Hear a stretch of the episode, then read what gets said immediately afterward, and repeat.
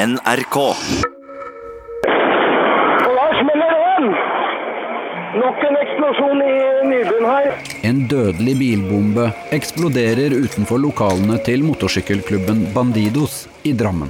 Jeg jeg kan ikke komme forbi, for det er, det er så sterke flammer. At den pågående MC-krigen kunne føre til noe slikt, sjokkerer de fleste. Tar en stund, plutselig så krabber det tre karer eh, ut av det Bandidos-bygget. Og eh, de hadde stort sett bare underbuksa på seg.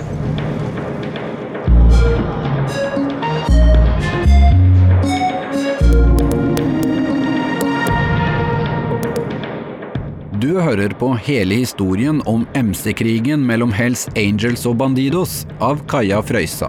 Andre og siste del.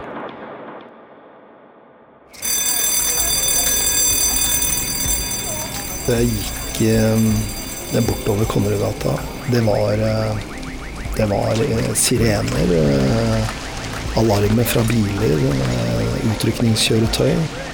Eivind Borge i MC-gruppa i Oslo-politiet. Det var knust glass i hele gata, så gikk og tråkka i glass. Hele bygningen, Bandidos-bygningen, var jo Sto både i brann og var helt eh, rast sammen. Så jeg sto på hjørnet der. Harald Henry Larsen er sekunder unna når bomben eksploderer. Det bygget var i full, full fyr og flamme. Det som sto igjen, det var eh, kan du si, skorstein eh, for peis og, og ovnbær og sånt noe. Og det var eh, ganske kraftige materialer som huset var bygd av. Litt sånn gammeldags. De ligger vel og sover, eller er i hvert fall i sengene. Og en av dem beskriver at han bare faller ned på en måte første etasje og kommer ut av det bygget i ført eh, truse. Jeg blei forbausa når jeg så de der eh, Når jeg ser de tre gutta kryper ut. Altså At noen overlever det der, det er meg ubegripelig. Det er tre, tre mannfolk eh, rundt omkring 30 år. Og de hadde sot stort sett over hele kroppen. Jeg kunne ikke se han noe, han noe brennmerker eller noe sånt noe. Men jeg, jeg snakka til han ene, og da snakka han, eh, spurte han "Eh, er du ok, trenger du hjelp. Og eh, da svarte han på dansk at det, det går, går ok, sa han. Det, så vi blir, vi blir, vi blir snart henta, sa han på dansk til meg. Alle de tre er sentrale Bandidos-medlemmer. En av dem er danske Mikael Lerke Olsen, som er kjent som krigsminister i MC-klubben. Det kan ha vært han krigsministeren, han uh, i Bandidos. Lerke Olsen. Ja. De tre Bandidos-medlemmene blir hentet i en svart Mercedes rett etter at de har kommet seg ut av bygningen. Men alt skjedde så fort, og den bilen som henta dem og så kom så fort, at jeg, eh, jeg liksom registrerte ikke noe annet enn at det plutselig var den borte. Ingunn Refsnes er ferdig med å rydde etter å ha hatt kusinen Irene og mannen Jan på besøk. Satte på TV. Det hadde ikke vært stol bak meg, bare datt ned i stolen. Ennå ser man konturene av Bandidos-hovedkvarteret som nå er helt nedbrent.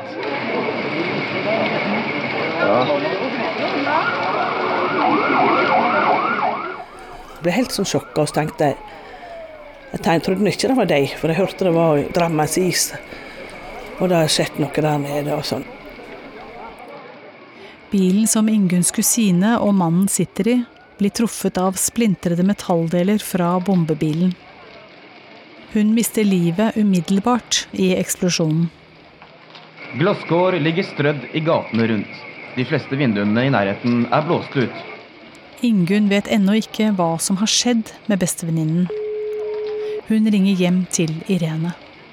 Da tok han en sønn telefon, og så sier de at 'mamma, de er kommet hjem. Nei, de er ikke kommet hjem ennå. Bare så si fra bare at hun ringer meg uansett når hun kommer.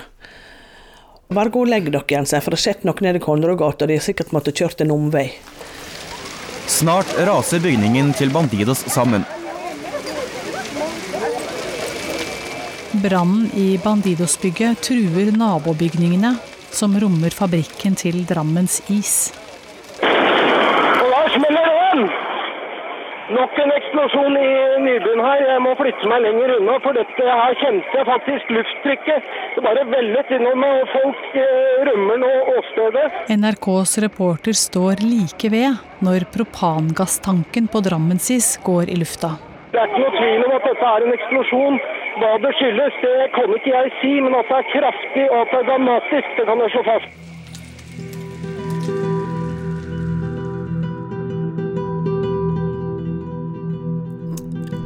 Jeg var i grunn forberedt på at noe kunne skje. Eh, For vi hadde fått eh, forvarsler, og når jeg går der og kjenner lufttrykket, snur meg og ser eh, ildtungene, så tenker jeg at nå skjedde det som eh, ikke skulle ha skjedd. Nå har bandekrigen kommet til Drammen. Lise Christoffersen er ordfører i Drammen i 1997, og det er hun som har ansvaret for beredskapen. Jeg eh, prøver å ringe politiet. Eh, Der er det bare opptatt. Jeg tenker hvem andre er det som har førstehåndskunnskap om hva som foregår nå? Så tenker jeg at det er jo Drammens Tidende. Så jeg ringer eh, Drammens Tidende, og Drammens Tidende bekrefter det jeg hadde mistanke om. Det er eh, en eksplosjon i hovedkvarteret til Bandidos i eh, Konnerudgata. Hvilken avis er det du har der, egentlig? Drammens Tidende. Ja, det, det bildet der, det er jo det du klatra opp i blokka ved siden av. Ja, jeg blokka ved siden av. Fotograf i Drammens Tidende Rune Folkedal bor like i nærheten av Konnerudgata. Så det var eh, Ja. Det var veldig, veldig spesielt. Han er på besøk hos pensjonert politimann Torbjørn Pettersen. Førsteinntrykket der, når jeg kom bort dit, det var jo Det var lyset. Altså, det var jo ikke noe lys. Altså, det var bare flamme, sånn flammeskjær ikke sant, på hele, i hele gata. Altså, alt av asfalt var jo dekka av glass, ikke sant? så du gikk jo liksom og vassa i, sånne, i glasskår. Alt knasa. Uansett hvor du tråkka, så var det sånn eh, Det krønsja under beina på deg. Så det var liksom som å være i en eh, Ja, altså krigs, eh, krigssone, rett og slett. Altså, det var, det var jo helt sånn uvirkelig. Altså midt i Drammen på en vanlig, vanlig hverdag. Rune tok et bilde av Torbjørn rett etter eksplosjonen. Det bildet Så- du tok av meg, eller Det var lenge før politiet begynte å sperre noe som helst. Så du var jo ulastelig antrukket, husker jeg. Så det var Ja, ja. Jeg var jo det.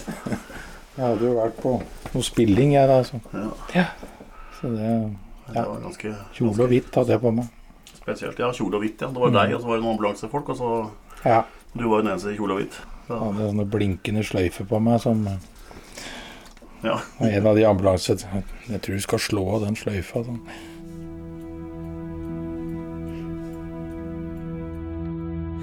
Så jeg jeg hopper på sykkelen. Eh, Sykler bortom eh, Konnerudgata og bort til politisperringene og får en oppdatering fra politiet som er på stedet, eh, om hva som er status. Da får jeg også høre det tragiske som har skjedd med den tilfeldig forbipasserende bilen, og at en person er omkommet.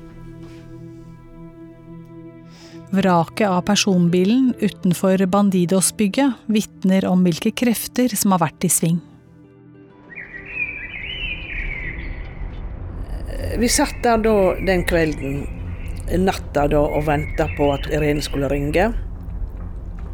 Og så hadde jeg et sånt eh, ute på terrassen min så hadde jeg et sånt langt gelender. Og klokka var halv tre. Jeg sitter inne ved spisestua mi og så ser ut på terrassen min. Og så sitter jeg og Rolf og venter på at de skal ringe. Men så sier jeg at jeg, lurer på om jeg skal ringe politiet, sier jeg. Og da sier Rolf nei, da sier han det er ikke deg. Det er ikke deg. Nei, det tror ikke jeg heller, sier jeg. Og så plutselig så kom der en fugl og satte seg på gelenderet mitt og kikka på oss. Og så sier jeg til Rolf det at ser du nå, sier jeg. Der kommer beskjeden. Nå skal jeg ringe politiet. Nå må du slutte med disse Å, du må ikke være så overtroisk og sånn. Dette er bare tull, sier han. Så han gikk opp på altanen og bare gjorde sånn! Bare sånn for å få fuglen til å gå. Ikke tale om. Og Rolf som aldri har trutt på noe sånt, Han fikk liksom sjokk. 'Vet du hva, Ingrid, jeg tror du har rett', det, sa han. 'Dette er det verste jeg har sett'. Aldri vært sett noe sånt. Og da spaserte han hele gelenderet helt på hjørnet, og så føyk han. Og da ringte jeg politiet, og da fikk jeg beskjed om at det var hun som var død.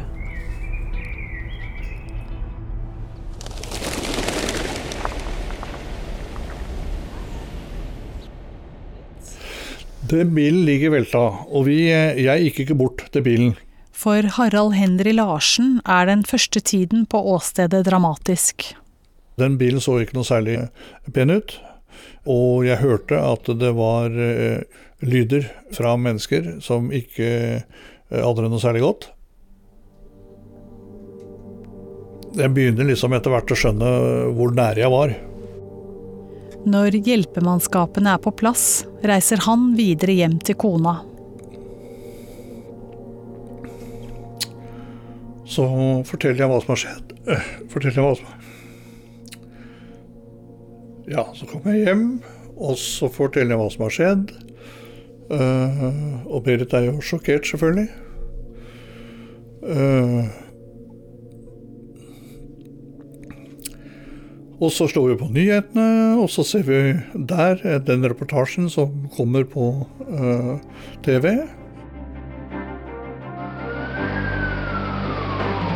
Det var like før midnatt eksplosjonen skjedde.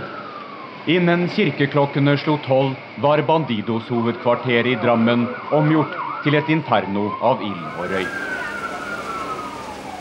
Og så, så skal jeg prøve å sove litt. Jeg får ikke sove. Og i hele tatt eh, de, Den perioden da etter det, den, den er tung.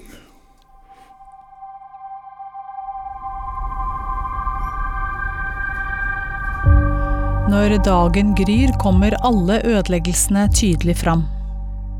Det ser eh, ut som et katastrofeområde i området rundt eh, her dette har skjedd. Nå står jeg bare en eh, 25 meter fra dette stedet som eh, Bandidos har hatt som hovedkvarter. og De nærmeste husene der er vinduene blåst ut og fasadene er slått eh, skjeve. Det er blåst ut glass i en omkrets på mange mange kvartaler rundt her. og fått, Vi har fått rapporter om eh, knuste vinduer helt eh, så langt som halvannen kilometer unna dette stedet.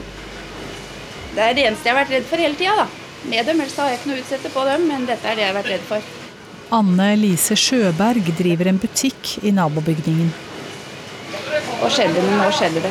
Og det Jeg hadde jo egentlig ikke trodd at det skulle skje heller. Sånn bakerst. Men det er bare grusomt. Situasjonen for innbyggerne i Drammen er kaotisk. Alle nabogårdene får store skader på vinduer, vegger og interiør. Bydelen Nybyen i Drammen ser ut som et krigsområde. Et halvt døgn etter bombeeksplosjon. Det har eh, detonert en sprengladning, at et menneske er drept, at fire er skadet. Vi arbeider på spreng med å sikre åsted, eh, tekniske bevis og, og foreta avhør. På himmelen henger politihelikoptre, gatene er sperret. Og fortvilte beboere går rundt i gatene og har vanskelig med å fatte hva som egentlig har skjedd. Det er helt, det er helt ufattelig, helt uvirkelig. Jeg syns det er veldig skremmende at sånt kan skje så eh, i nærmiljøet. Da. Og det er egentlig et under at ikke flere er drept.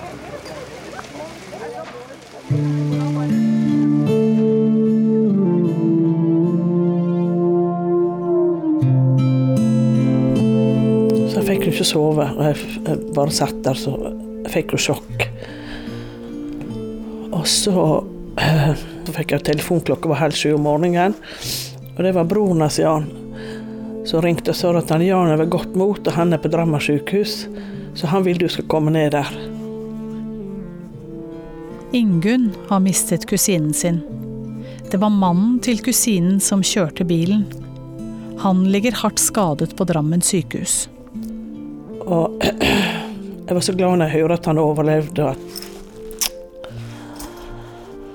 så jeg var nede og satte um, lapp på døra på salongen at det er stengt pga. tragedien i Konnerudgata. Og så dro vi på sykehuset, og så kom barna til Jan og Irene til meg og på sykehuset der, så jeg tok vare på dem. Og eh, Nei, det var liksom eh, helt forferdelig. Men jeg må si det krisetid alt sammen, det var veldig fantastisk hvordan de uh, hjalp til. Og jeg ble beskytta når jeg kom ned på Drammen sykehus og sånn, så Det var jo journalister overalt.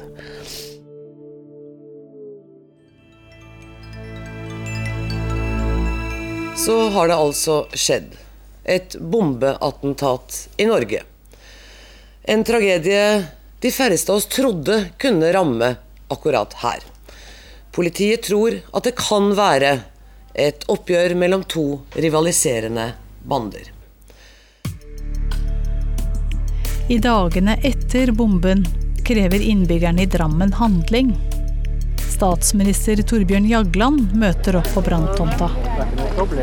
Stappe en bil full av sprengstoff, plassere det i, ei gate på denne måten, og ikke tenke på at uskyldige mennesker kan uh, bli skadet og drept. Det, dette er uh, umennesker som uh, Ja, de fortjener ikke noe annet enn det uttrykket. Disse Satans drapsmenn må tas, og de må straffes etter loven. Og jeg blir jo en del av den etterforskningen egentlig fra dag én.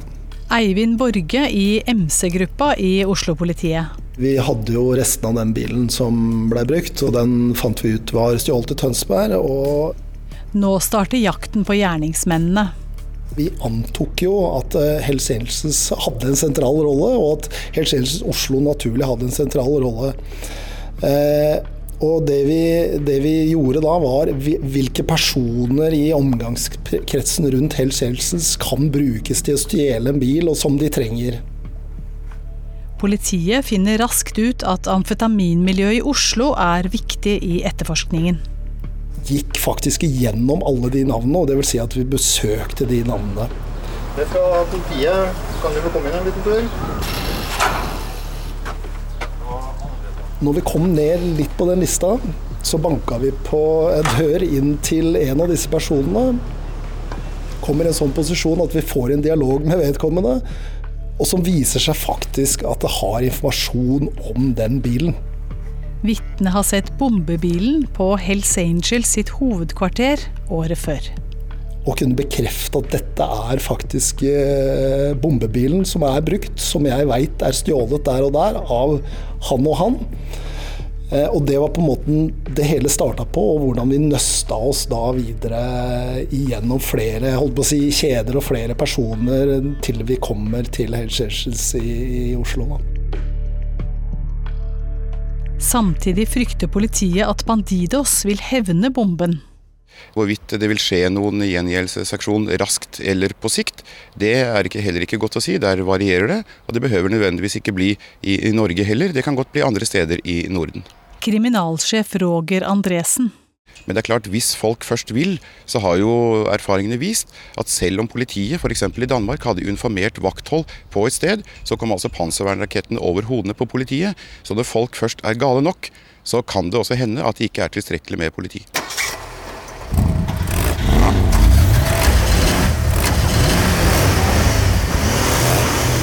Etter bombeangrepet kommer Screwdrivers på Hamar inn i varmen hos Hells Angels. Og da hypotesen rundt Screwdrivers og dems rolle, og at de ble medlemmer av Hells Angels nærmest uh, rett etter hendelsen, uh, gjorde jo selvfølgelig at vi, vi retta blikket mot de. En av politiets teorier er at bilbomben nettopp skulle være en opptaksprøve. Screwdrivers MC Hamar ble jo i etterkant av hendelsen i Drammen fullverdig klubb av Hells Angels. Fotograf Marcel Lelinhoff kjenner Hells Angels godt. Han forteller at bomben opplevdes som starten på slutten av MC-krigen. I all den grusomheten som, som, skjedde der, så er det i hvert fall faktum at det var det som eh, gjorde at folk skjønte at nå nå er det nok. Nå må vi slutte med dette. Så det var spikeren i kisten, kan man si. MC-klubbene skjønner nå at de har gått for langt, og at dette ikke kan fortsette.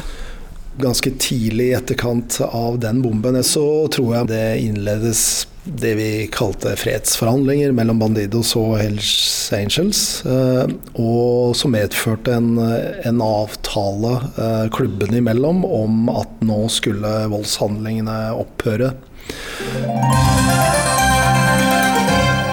Rockerklubbene Hells Angels og Bandidos har sluttet fred. Tre måneder senere møtes de krigende partene. Vi begynner med det som alle har håpet på, men ingen troede muligt. Rockerklubberne Hells Angels og Banditas har sluttet fred herhjemme og i resten av Norden. 25.9.1997 er fredsslutningen mellom de to rivaliserende bandene hovedoppslag på danske TV-avisen. Fra å være bitre fiender inngår de to nå et samarbeid på direktesendt TV. Det vil si alle våre supporter og hvem der nå ellers er tilhængere av de, de, to klubber, og sånn noget, de skal vide, at Tilhengere av de to klubbene skal heretter ikke slåss mot hverandre. At vi har inngått det samarbeid. Så hvis de træder siden av, så er det misforstået lojalitet. Bent Blondi Svane Nilsen fra Hells Angels og Jim Tindal fra Bandidos tar hverandre i hendene. De er enige om at blodutgytelsene må ta slutt. Hvorfor kommer den lige præcis nå, den avtalen? Jamen, er det for tidligt? Der skal ikke ske flere sammenstød. Altså, vi tolererer ikke flere sammenstød. Hvis vi ikke selv hadde troen på det, ikke? Altså, så er det klart, så ville vi jo ikke optræde her.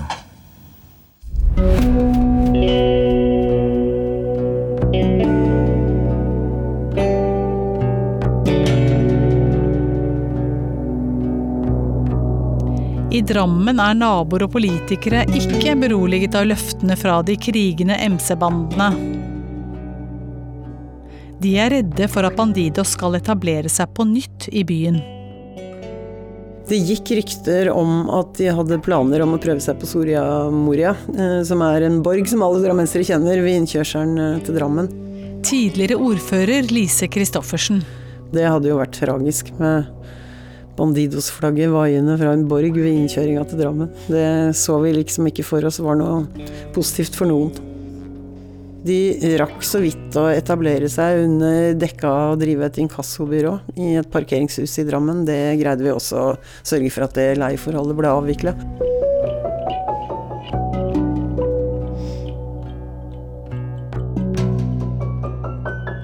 Fortsatt er ingen pågrepet for den dødelige bilbomben som la et helt kvartal i Drammen i grus. Vi brukte jo på en måte alle tilgjengelige metoder som politiet har i, i verktøykassa si i så alvorlige saker. Det er mange som ikke tør å fortelle fordi de er redde for trusler fra de involverte gjengene. MC-miljøet er spesielt lukket. Det er lite informasjon som kommer inn til politiet, og da må vi bruke andre metoder for å på en måte bevismessig komme i havn i disse typer saker. En metode kan være å lokke de mistenkte i en felle. Personer knyttet til screwdrivers på Hamar er i søkelyset. Her var det noen stikkord som jeg ser gikk i, i retning av håndverkere, som er en indikasjon på at vi var nok på rett vei. Altså ganske nære allerede i første runden av etterforskningen. Eivind Borge noterer i en grønn bok gjennom hele etterforskningen.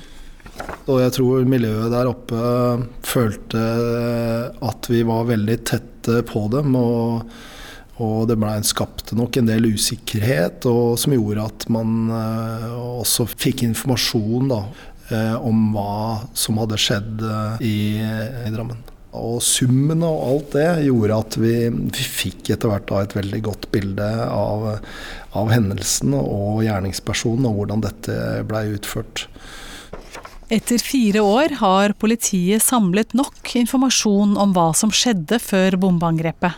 Når de blei konfrontert med det i avhør, så valgte da vel i hvert fall to av dem å legge kortene på bordet og tilstå sin rolle i saken. da. Ja, nei, og her står det jo ganske detaljert. altså det Litt tidligere her enn når han faktisk ble opp, oppklart. Men skriver gjennombrudd og oppklaring 1930, klokken 1930. Da følte vi oss veldig trygge på at vi hadde hele sakene i, i boks.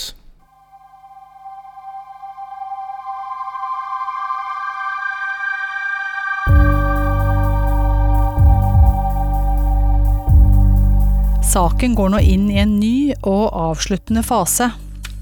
Alle de sju mennene som planla og gjennomførte bombeaksjonen i Drammen, blir tatt og stilt for retten. Nedlesset i hundrevis av dokumenter på flere tusen sider ankom forsvarere og aktorat Drammen tingrett i dag. Til sammen sju menn med Hells Angels-tilknytning sitter på tiltalebenken i det aktor beskriver som etterkrigstidens mest omfattende eksplosjon her i landet. Harald Henry Larsen var først på stedet og vitner i rettssaken. Og dem eh, så jo ut til å være helt normale ungdommer, eh, kort og godt. Så eh, jeg syns det virka helt absurd, absurd hele, hele seansen. At det skulle sitte helt normale norske ungdommer eh, på rekke og rad. Eh, så ikke ut til å være noe som helst feil med noen av dem. Og så plutselig så, så er det liksom sånne ting som man diskuterer. Da, da begynner man å, å tenke litt uh, Hva er det som skjer? Av de sju mennene er en av dem et fremtredende Hells Angels-medlem i Oslo. De seks andre har bakgrunn fra Hamarklubben Screwdrivers. Ja, hva er det slåss om? Og liksom setter uh, sine egne liv, uh, familiens liv og, og, hele sitt rennommé, hele sin fremtid, liksom blir, uh, blir, ødelagt i løpet av et sekund. Ja. Vi har snakket med mannen som kjørte bombebilen i Drammen. Han sier han angrer på det han har gjort men han ønsker ikke å la seg intervjue. De som eh, satt i den andre bilen, de fikk jo ikke sjanse til å starte på nytt igjen. Og det, det Sånn generelt sett så syns jeg det er en, eh, en veldig urettferdig situasjon å komme i. Ja. Saken blir anket videre til lagmannsretten, som feller en knusende dom over Hells Angels-medlemmet fra Oslo. Ifølge dommen var det han som ga ordre om å bombe Bandidos i Drammen. Nei, altså det er jo etterforskningen som har bevist det. Og det er jo da retten som til syvende og sist avgjør om påtalemyndigheten har god nok bevis i så måte. Og han ble dømt til eh, vel 16 år eller noe sånt i lagmannsretten. Eh, så hans rolle eh, ble bevist i, i så måte. I 2004 blir alle de sju dømt til lange fengselsstraffer. De blir også dømt til å betale erstatning på til sammen mer enn en kvart milliard kroner. Størsteparten skal dekke tapet etter at Drammensis måtte legge ned isproduksjonen. Skadene på isfabrikken som lå vegg i vegg med Bandidos-lokalet, utgjør over 200 millioner kroner. Ingen av de sju kan gjøre opp for seg. Med morarenter har beløpet de skylder til forsikringsselskapene nå doblet seg siden dommen i 2004.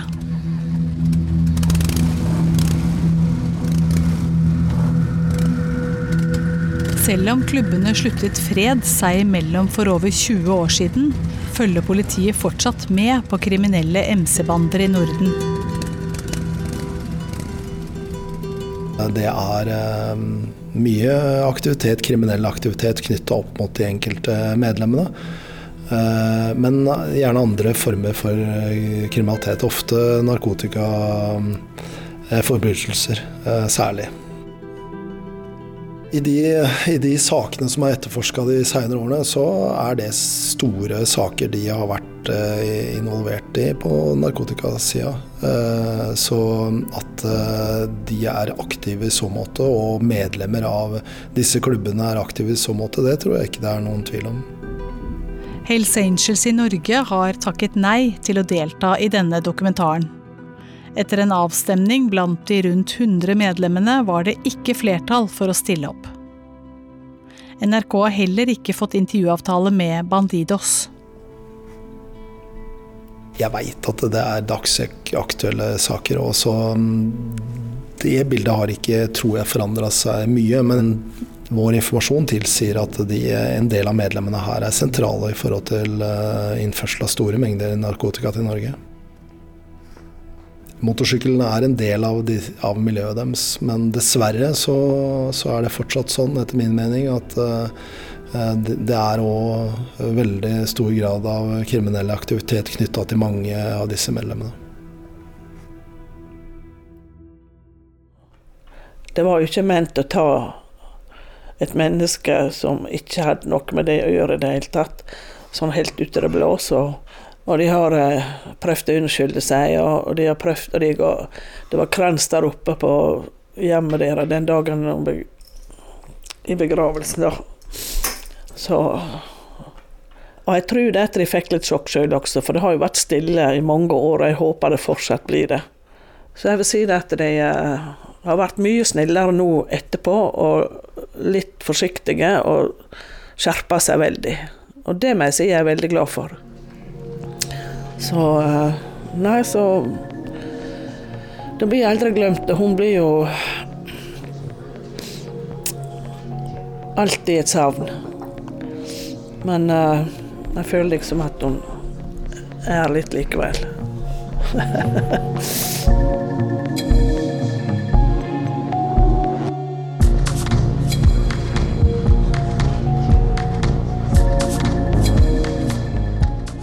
Dette var del to av to av hele historien om MC-krigen mellom Hells Angels og Bandidos av Kaja Frøysa. Lyddesign ved Kjetil Hansen. Produsent Kjetil Saugestad og redaktør Siril Heierdal.